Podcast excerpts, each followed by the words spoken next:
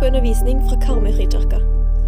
Vi er helt vanlige mennesker med et ønske om å følge Jesus i hverdagen, og du er velkommen til å være med.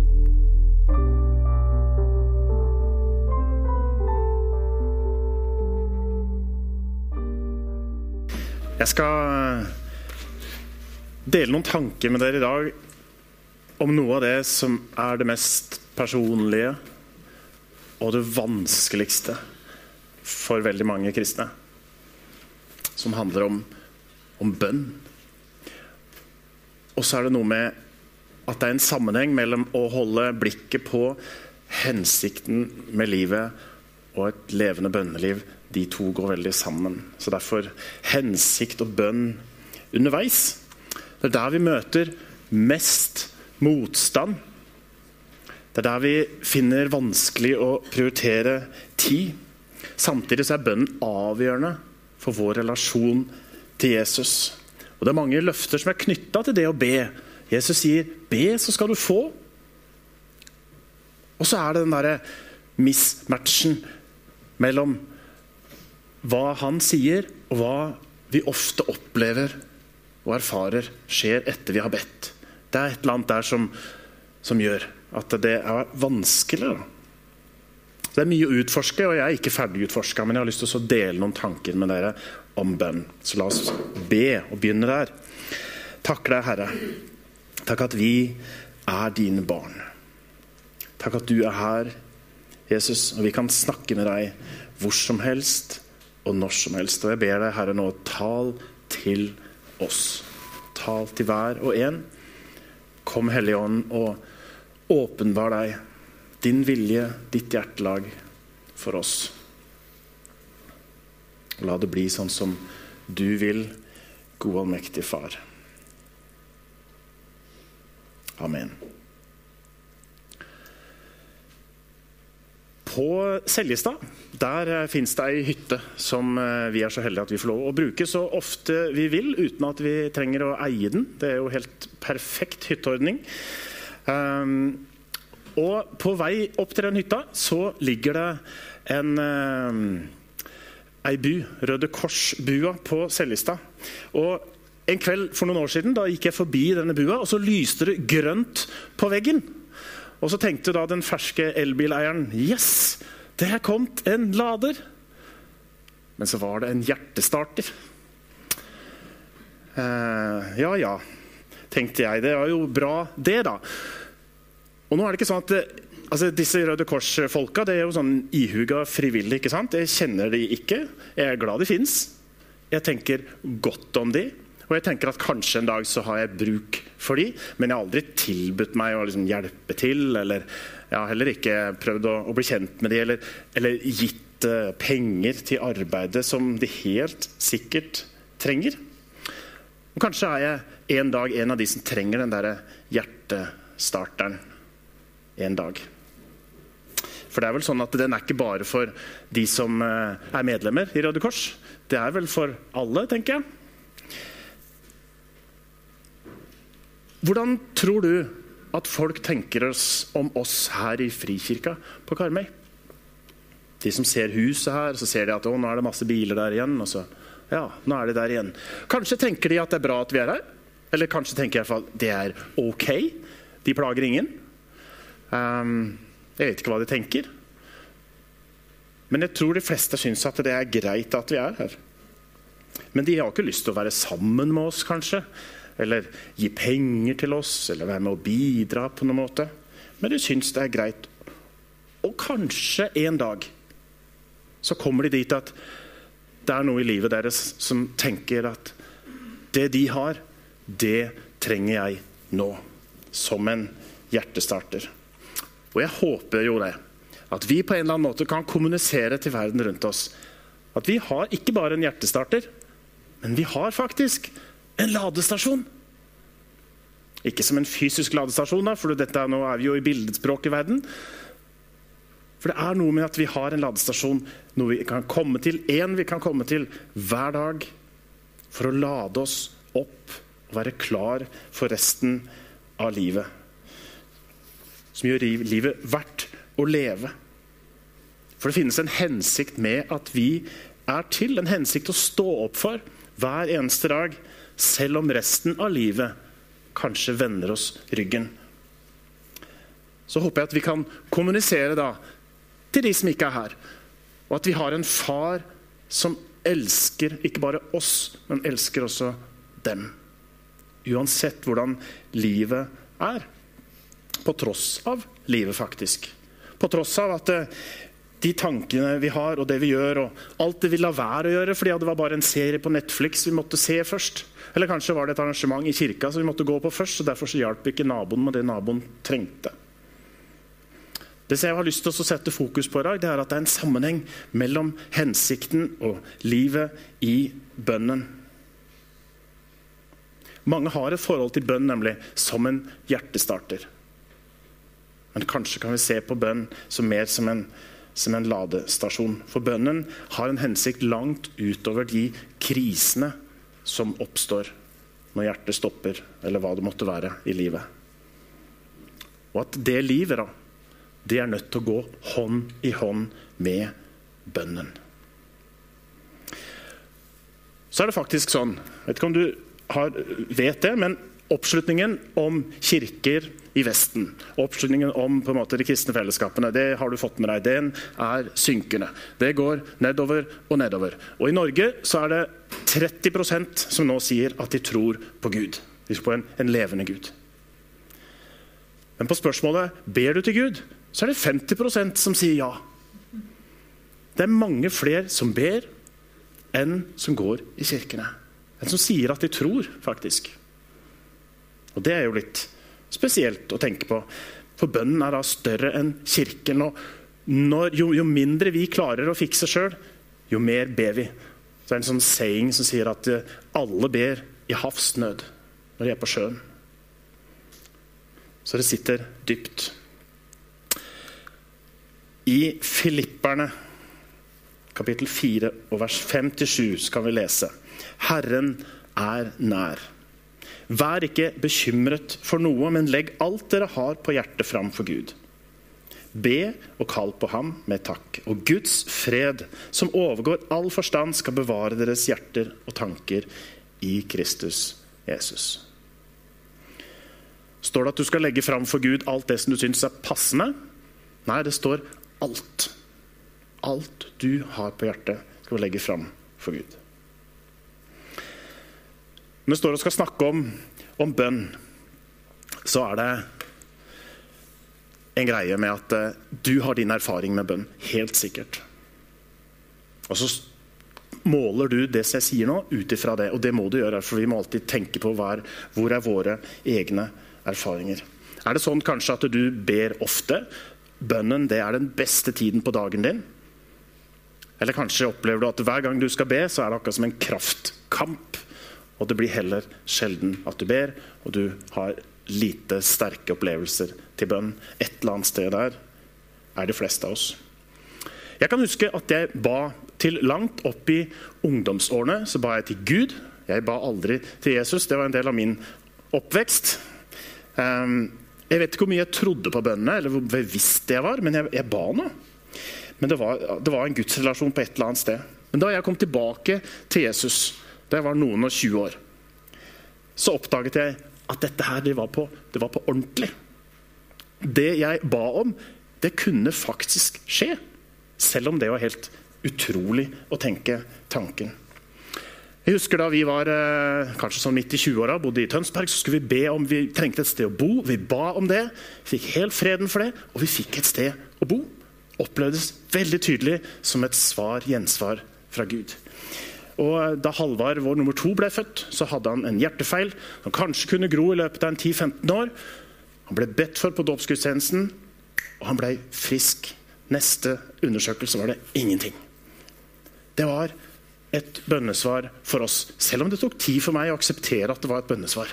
Jeg prøvde å forklare det på andre måter. Da jeg var 14 år, så fikk jeg en lungesykdom som gjorde at lungene mine ble delvis ødelagt. Um, og gikk ofte til forbønn for det. Jeg var veldig mye syk. Jeg var den syke i familien. Og så er det sånn at jeg kan huske den, tror det siste gangen jeg gikk til forbønn for akkurat det, var i 2004. Og Da var det en eh, som skulle be for meg, som, som spurte meg før han ba er du klar til å leve uten sykdommen. Det er et veldig merkelig spørsmål når du kommer til forbønn. Men jeg har tenkt etterpå at det var ikke så dumt spørsmål. Det skjedde ingenting. Og jeg eh, gikk videre og tenkte at ja, ja, det er bra å be, men det skjedde ingenting. Men det som er faktum er at ti år seinere ble jeg skikkelig dårlig. Og hadde min siste lungebetennelse i 2014.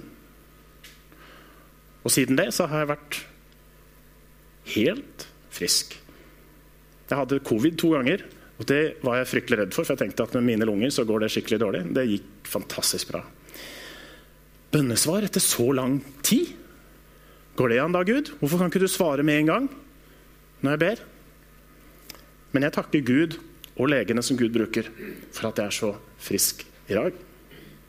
Så bønn har vært veldig viktig. Jeg har erfart mange aspekter ved, ved bønn. Samtidig så har jeg kanskje enda flere spørsmål nå enn jeg hadde da jeg blei en kristen. Og jeg har bedt for mange mennesker. Jeg har bedt for mange mennesker til helbredelse og til indre helbredelse. Og utrolig nok så har det noen ganger så har det skjedd at vi har fått det svaret som vi ønska. Men på alle de andre så har jeg ikke hørt noen ting. Og sannsynligvis så har det da kanskje ikke skjedd noe. sant? Var det sånn at jeg gjorde noe annet de gangene hvor det gikk sånn som jeg ønska? Brukte jeg noen spesielle ord? Var det en spesiell stemning i rommet, kanskje? Var det sånn at jeg, eh, jeg la hendene på en sånn bestemt måte? Eller kanskje var det bare sånn at jeg rett og slett for en gangs skyld klarte å konsentrere meg? For det syns jeg er vanskelig. Jeg husker Et av de mest sånn merkbare bønnesvarene det var her i rommet. Det var en av oss. Og en vond skulder. Jeg la hånda på skulderen, og så ba jeg. Og mens jeg ba, så sa det klikk i skulderen. Begge to hørte det. Og så var skulderen helt frisk. Og alle dere andre sto rundt og i kaffekø og skravla. Og det var i hvert fall ingenting spesielt med den stemningen. Og det var ingenting spesielt med det jeg sa eller gjorde. Men det skjedde. Nå skal jeg bare fortsette talen og fortelle om alle de gangene hvor det går sånn som vi ønsker. Ja, da er det ikke verdt at jeg står her.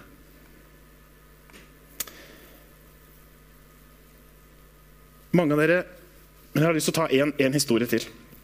For Mange av dere vil huske eh, eldstemannen vår, Sondre. For eh, to år siden så eh, krasja han på sykkel. Han knakk nakken, han knakk ryggen. Og han kunne like gjerne ha dødd der og da. Eh, eller han kunne dødd på operasjonsbordet. Vi opplevde en bøndemobilisering både nasjonalt og internasjonalt som rørte ved hjertene våre. Og det hadde det gjort uansett hvordan det hadde gått den gangen. Men nå blei han bra, da. Eller 99% bra, som han sier sjøl. For det er noen småting. Men det er klart likevel vi takker Gud for det. Men så er det da hva med alle de andre gangene jeg har bedt? Hva med alle de andre gangene du har bedt, og det går akkurat så dårlig som frykta?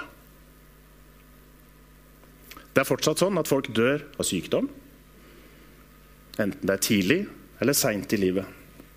Folk dør av ulykker. Folk blir påført lidelse. Det er fortsatt en krig som pågår i Ukraina med forferdelige lidelser. Selv om ufattelig mange ber om at det skal slutte. Det er mennesker som forlater troen, selv om vi ber om at det ikke må skje. Og så er det mange også her som vil ha ferskt i minne nesa vår på 18 år som fikk eh, leukemi i fjor høst. Og hvor vi igjen opplever en bønnemobilisering. På samme måte som bare to år før. Det var veldig rart. Ligger til og med på samme intensivavdeling som Sondre. Det var mange paralleller.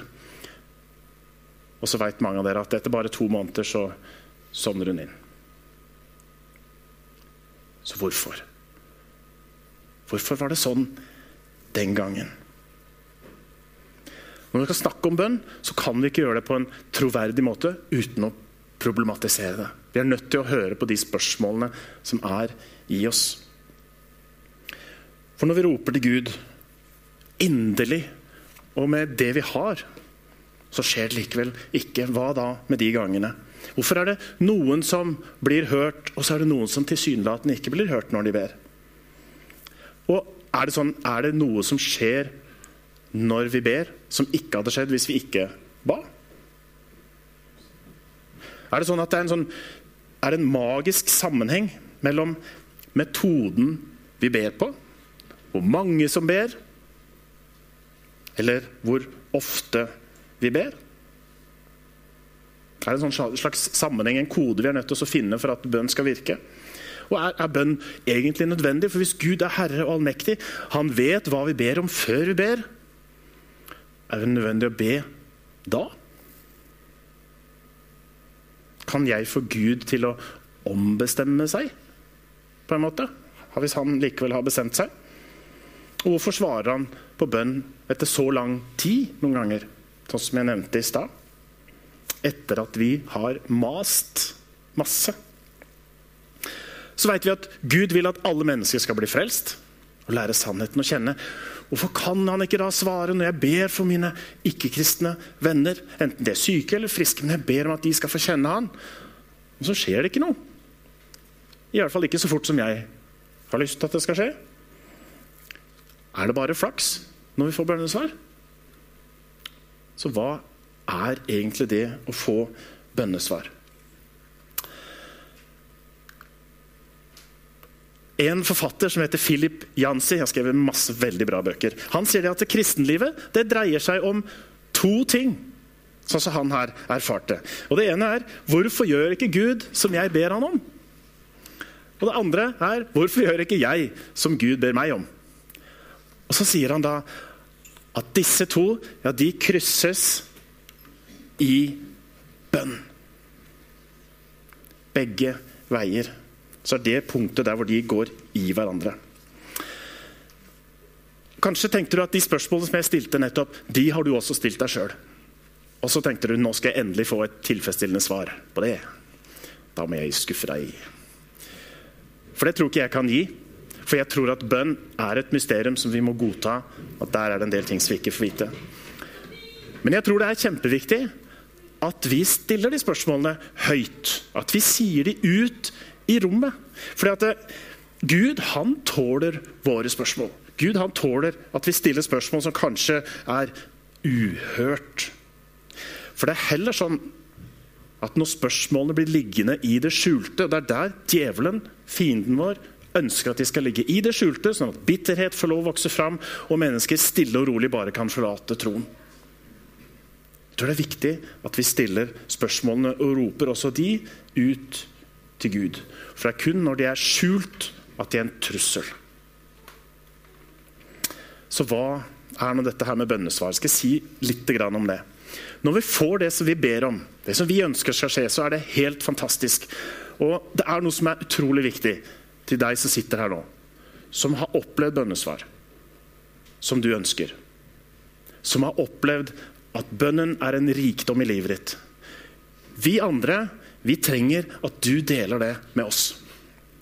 Om det er når du snakker sammen på tomannshånd, om du deler det i smågruppa di, eller faktisk om du kommer fram hit og deler det med hele gjengen.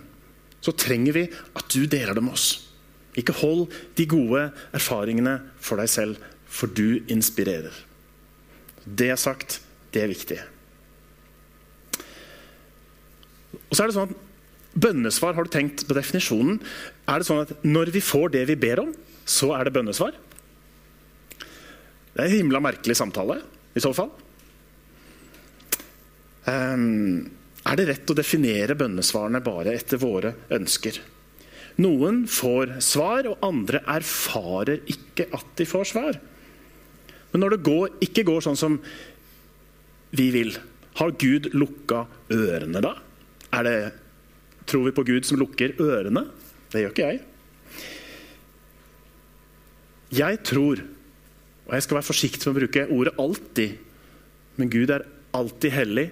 Han elsker oss alltid. Jeg tror at han svarer på våre bønner.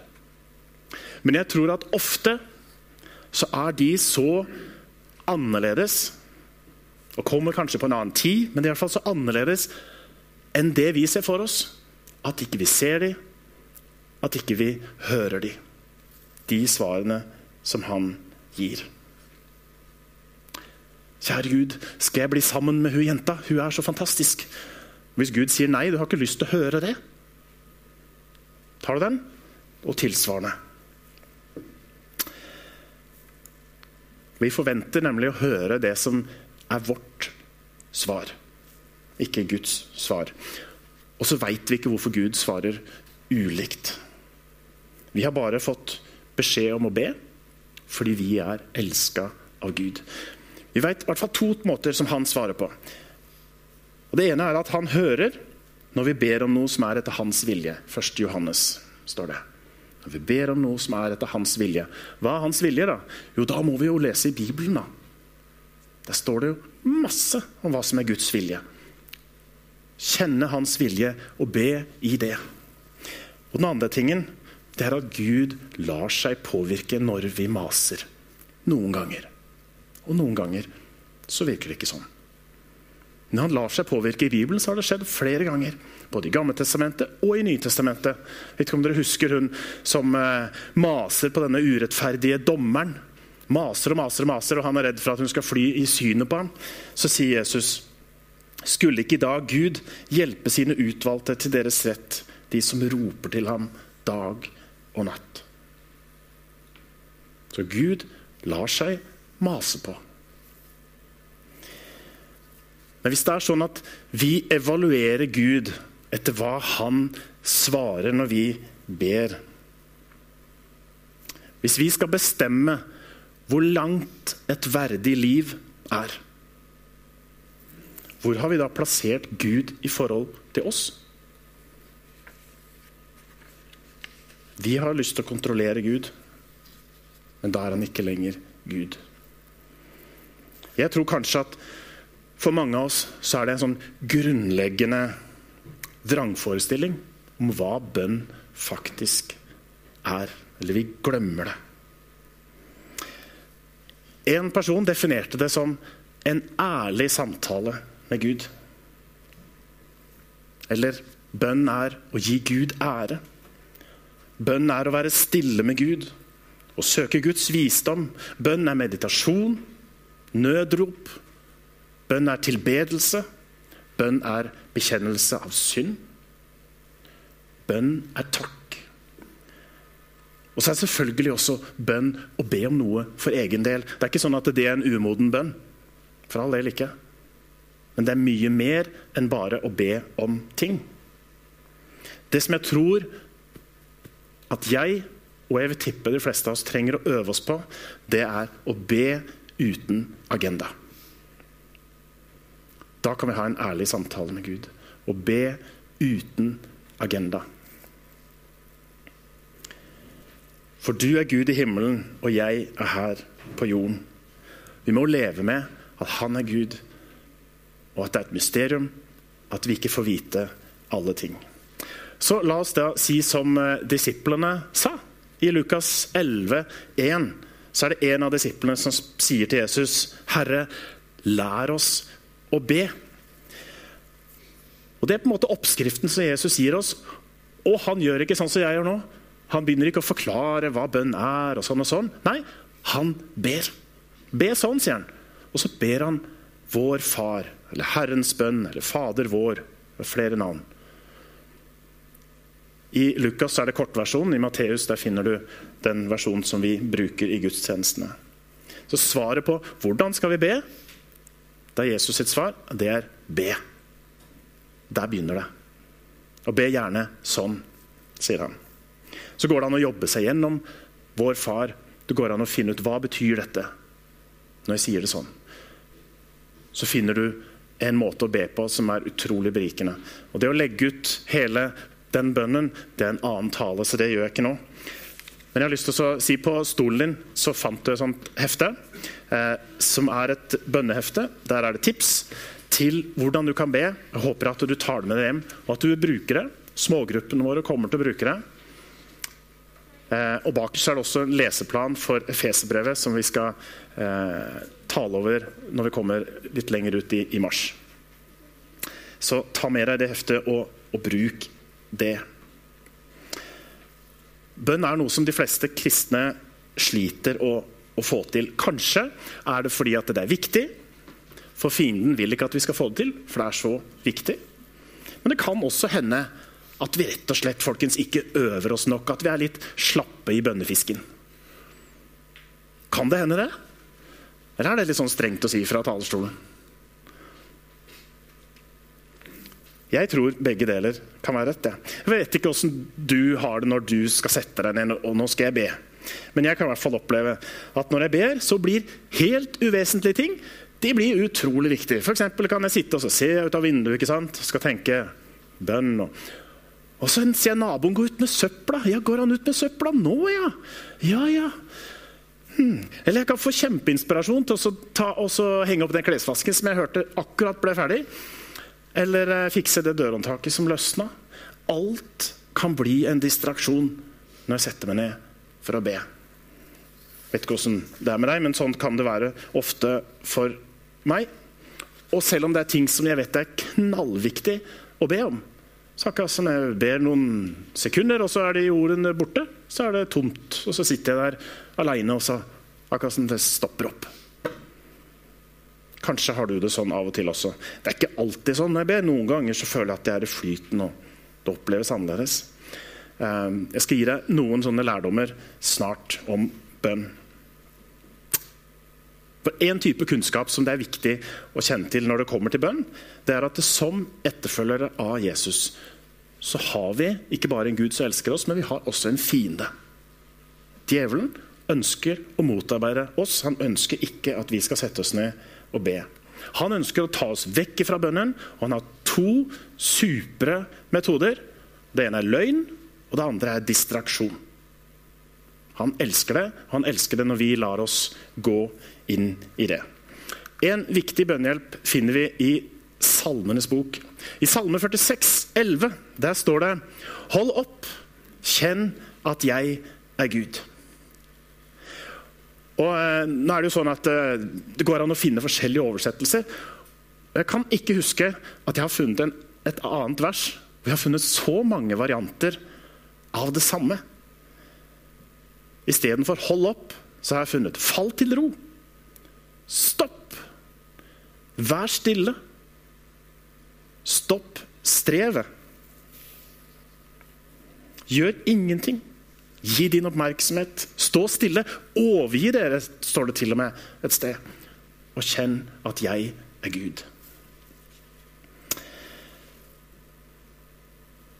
Ganske tydelig invitasjon, men likevel svarer vi ikke på den invitasjonen.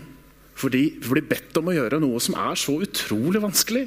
Nemlig å stoppe opp og være helt stille. Og ikke fylle tiden vår med noe annet enn stillhet. For Vi er så travle, og vi er viktige. Og Du skal få bitte litt repetisjon her, i full fart, fra 2022. Nemlig at vi preges av verden, vi preges av oppfinnelser. I 1370 i Tyskland så ble klokka oppfunnet. Og rytmen i menneskenes liv ble veldig, veldig forskjøvet. Og på den tida så var det vanlig at i de mørke tidene så sov folk seg gjennom dagene. De sov kjempelenge i november, og så sov de mye mindre i juni. Men de sov seg gjennom. De fulgte lyset og mørket. I 1879 så uh, Thomas Alva Edison oppfinner uh, finner opp da lyspæra. Og lyspæra fikk enorm betydning for produktiviteten til mennesket. For nå kunne vi jobbe til alle døgnets tider. På en helt annen møte, måte enn tidligere. Men ikke bare økte han produktiviteten, men han senka også vår tid med søvn. Og vet du det? At Gjennomsnittstida fra den tida der var 11 timer i døgnet. Nå er det nede i 6-6,5. Hva gjør det med oss? Og alle de dingsene som har kommet etterpå, som skulle hjelpe oss å få bedre tid. Oppvaskmaskin, vaskemaskin og alt er fantastiske ting. Det er det motsatte som har skjedd. Vi er bare blitt mer og mer travle. Og toppen av kaka er i 2007, da Steve Jobs lanserer den første iPhone. gjennomsnittlig befolkning i dag berører telefonen sin 2617 ganger og ser på skjermen i 2 12 timer hver dag. Og det er gjennomsnittlig. Hvis du går til de som er født etter 2000, så dobles det til fem timer hver dag. Glo i telefonen. Er det rart at det er vanskelig å be? For travelhet det er blitt den nye normalen. Og det å være bare stille det er ikke så enkelt når vi hele tiden skal ha stimuli. Kanskje husker du også fra i fjor denne professoren som fikk spørsmålet hva er den største trusselen mot et sunt åndelig liv? Så svarer han du må brutalt fjerne travelhet fra livet ditt. Og Da vi snakket om dette i fjor, så tror jeg mange fikk med seg at det handla om å fjerne travelhet, men de glemte ordet brutalt. Brutalt er brutalt. Og Der har vi, og jeg sjøl, fortsatt en stor jobb å gjøre. Men jeg tror det har noe sammenheng her med hvorfor vi ikke ber. For det er ikke sånn at du blir mett når du går på restaurant. Så ser du at de kommer bærende på tallerkener. De kommer eh, og serverer de. Folk sitter og spiser. Du blir jo ikke mett av å se på det. Nei, du blir mett ved at du tar bestikket opp og spiser sjøl. Så når vi skal lære oss å be, så må vi be. Og fem ting som du skal få her. Det første er rett og slett at vi må selvfølgelig be hvis vi skal lære oss å be. Så enkelt er det. Og hvis du ikke vet hvor du skal begynne, så begynn med vår far. da. Og så snakker du med Gud om det du tenker på. Og Det er ingen tanker som er forbudte for Gud. Det er når vi prøver å skjule dem og tror at som Adam ikke sant? tror at det nytter å gjemme seg for Gud. Da har vi tapt. Alle tankene våre, det du tenker på, gi det til Gud. Del det med Gud. Og Så handler bønn om å lytte. Å være litt stille. Hvilke tanker kommer da? Og vet du hva? En befriende tanke. Hvis du sovner, ja, så herlig. Da er det det du trenger, da. Det var ikke den dårlige bønnestund. Du sovna. Du sovna i bønn for en fantastisk ting. Og kanskje sier Gud noe til deg også når du sover, for han er Gud. Og så For at bønnen ikke bare skal bli en sånn lang remse med ting som du ønsker deg, så har jeg lyst til å utfordre deg på at du prøver metoder og stilarter som er uvante for deg. Det har nemlig hjulpet meg en hel masse. Vi kan bruke Bibelen, selvfølgelig. Salmenes bok, tidebønner, klagesangene, Jabesbønn, som vi finner der. Jesusbønnen. Vår Far. Andre bønner som er i Bibelen. Den er full av bønner. Du kan be sittende, du kan be stående, knelende, liggende, gående, ropende. Du kan være helt stille. Du kan tenne et lys. Du kan finne deg en fast plass du vil sitte. Du kan gjøre din greie. Men prøv ut forskjellige ting og se hva det gjør med deg. Og kanskje da, som jeg sa i stad, det mest forandrende, tror jeg. Prøv å be. Øv på å be uten agenda. Se hva det kan gjøre med deg. Så jeg snakka om hensikten, om bønnen. Bønnen hjelper oss å se hensikten med livet, for det gjør så mye med vår relasjon til Jesus. Langt utover krisene både i eget liv og krisene som vi har i, i verden.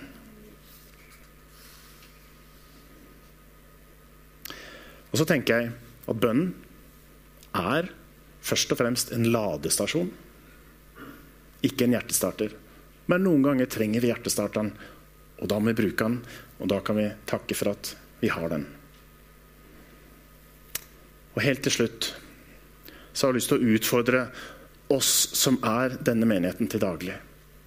Jeg tror det. Vi har eksistert nå i et par og 20 år.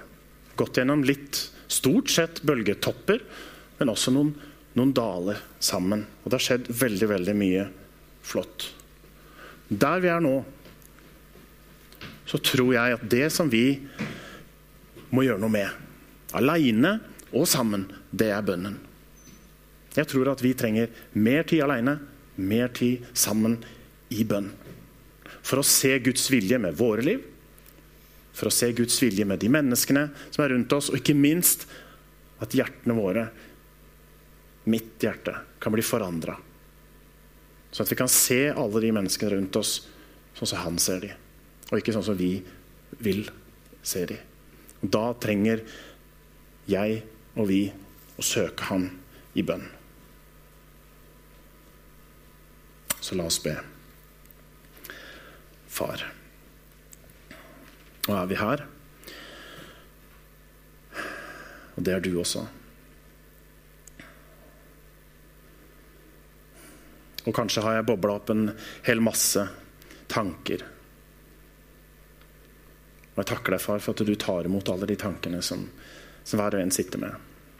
Skuffelser på hvorfor det ikke gikk sånn som vi hadde håpet.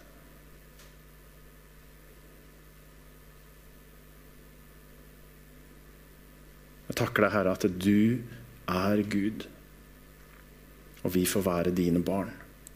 Hjelp oss å være barn, far. Tilgi oss at vi prøver å ta kontroll på deg. Og prøver å evaluere deg som du var en vare. Jeg ber deg, Herre, at du gjør ditt verk i hjertene våre. og fyller oss med din hellige ånd.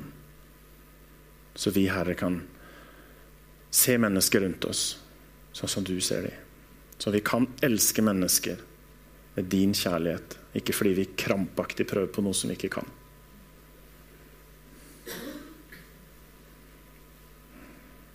Og takk, Herre, at vi får være et fellesskap som lytter sammen. Og at du bruker hver og en person. Hmm.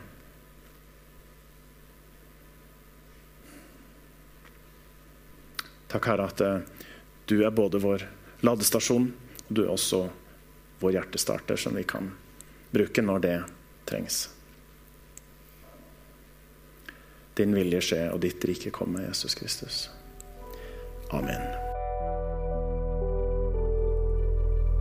Takk for at du lyttet til oss i Karmøy Frikirke.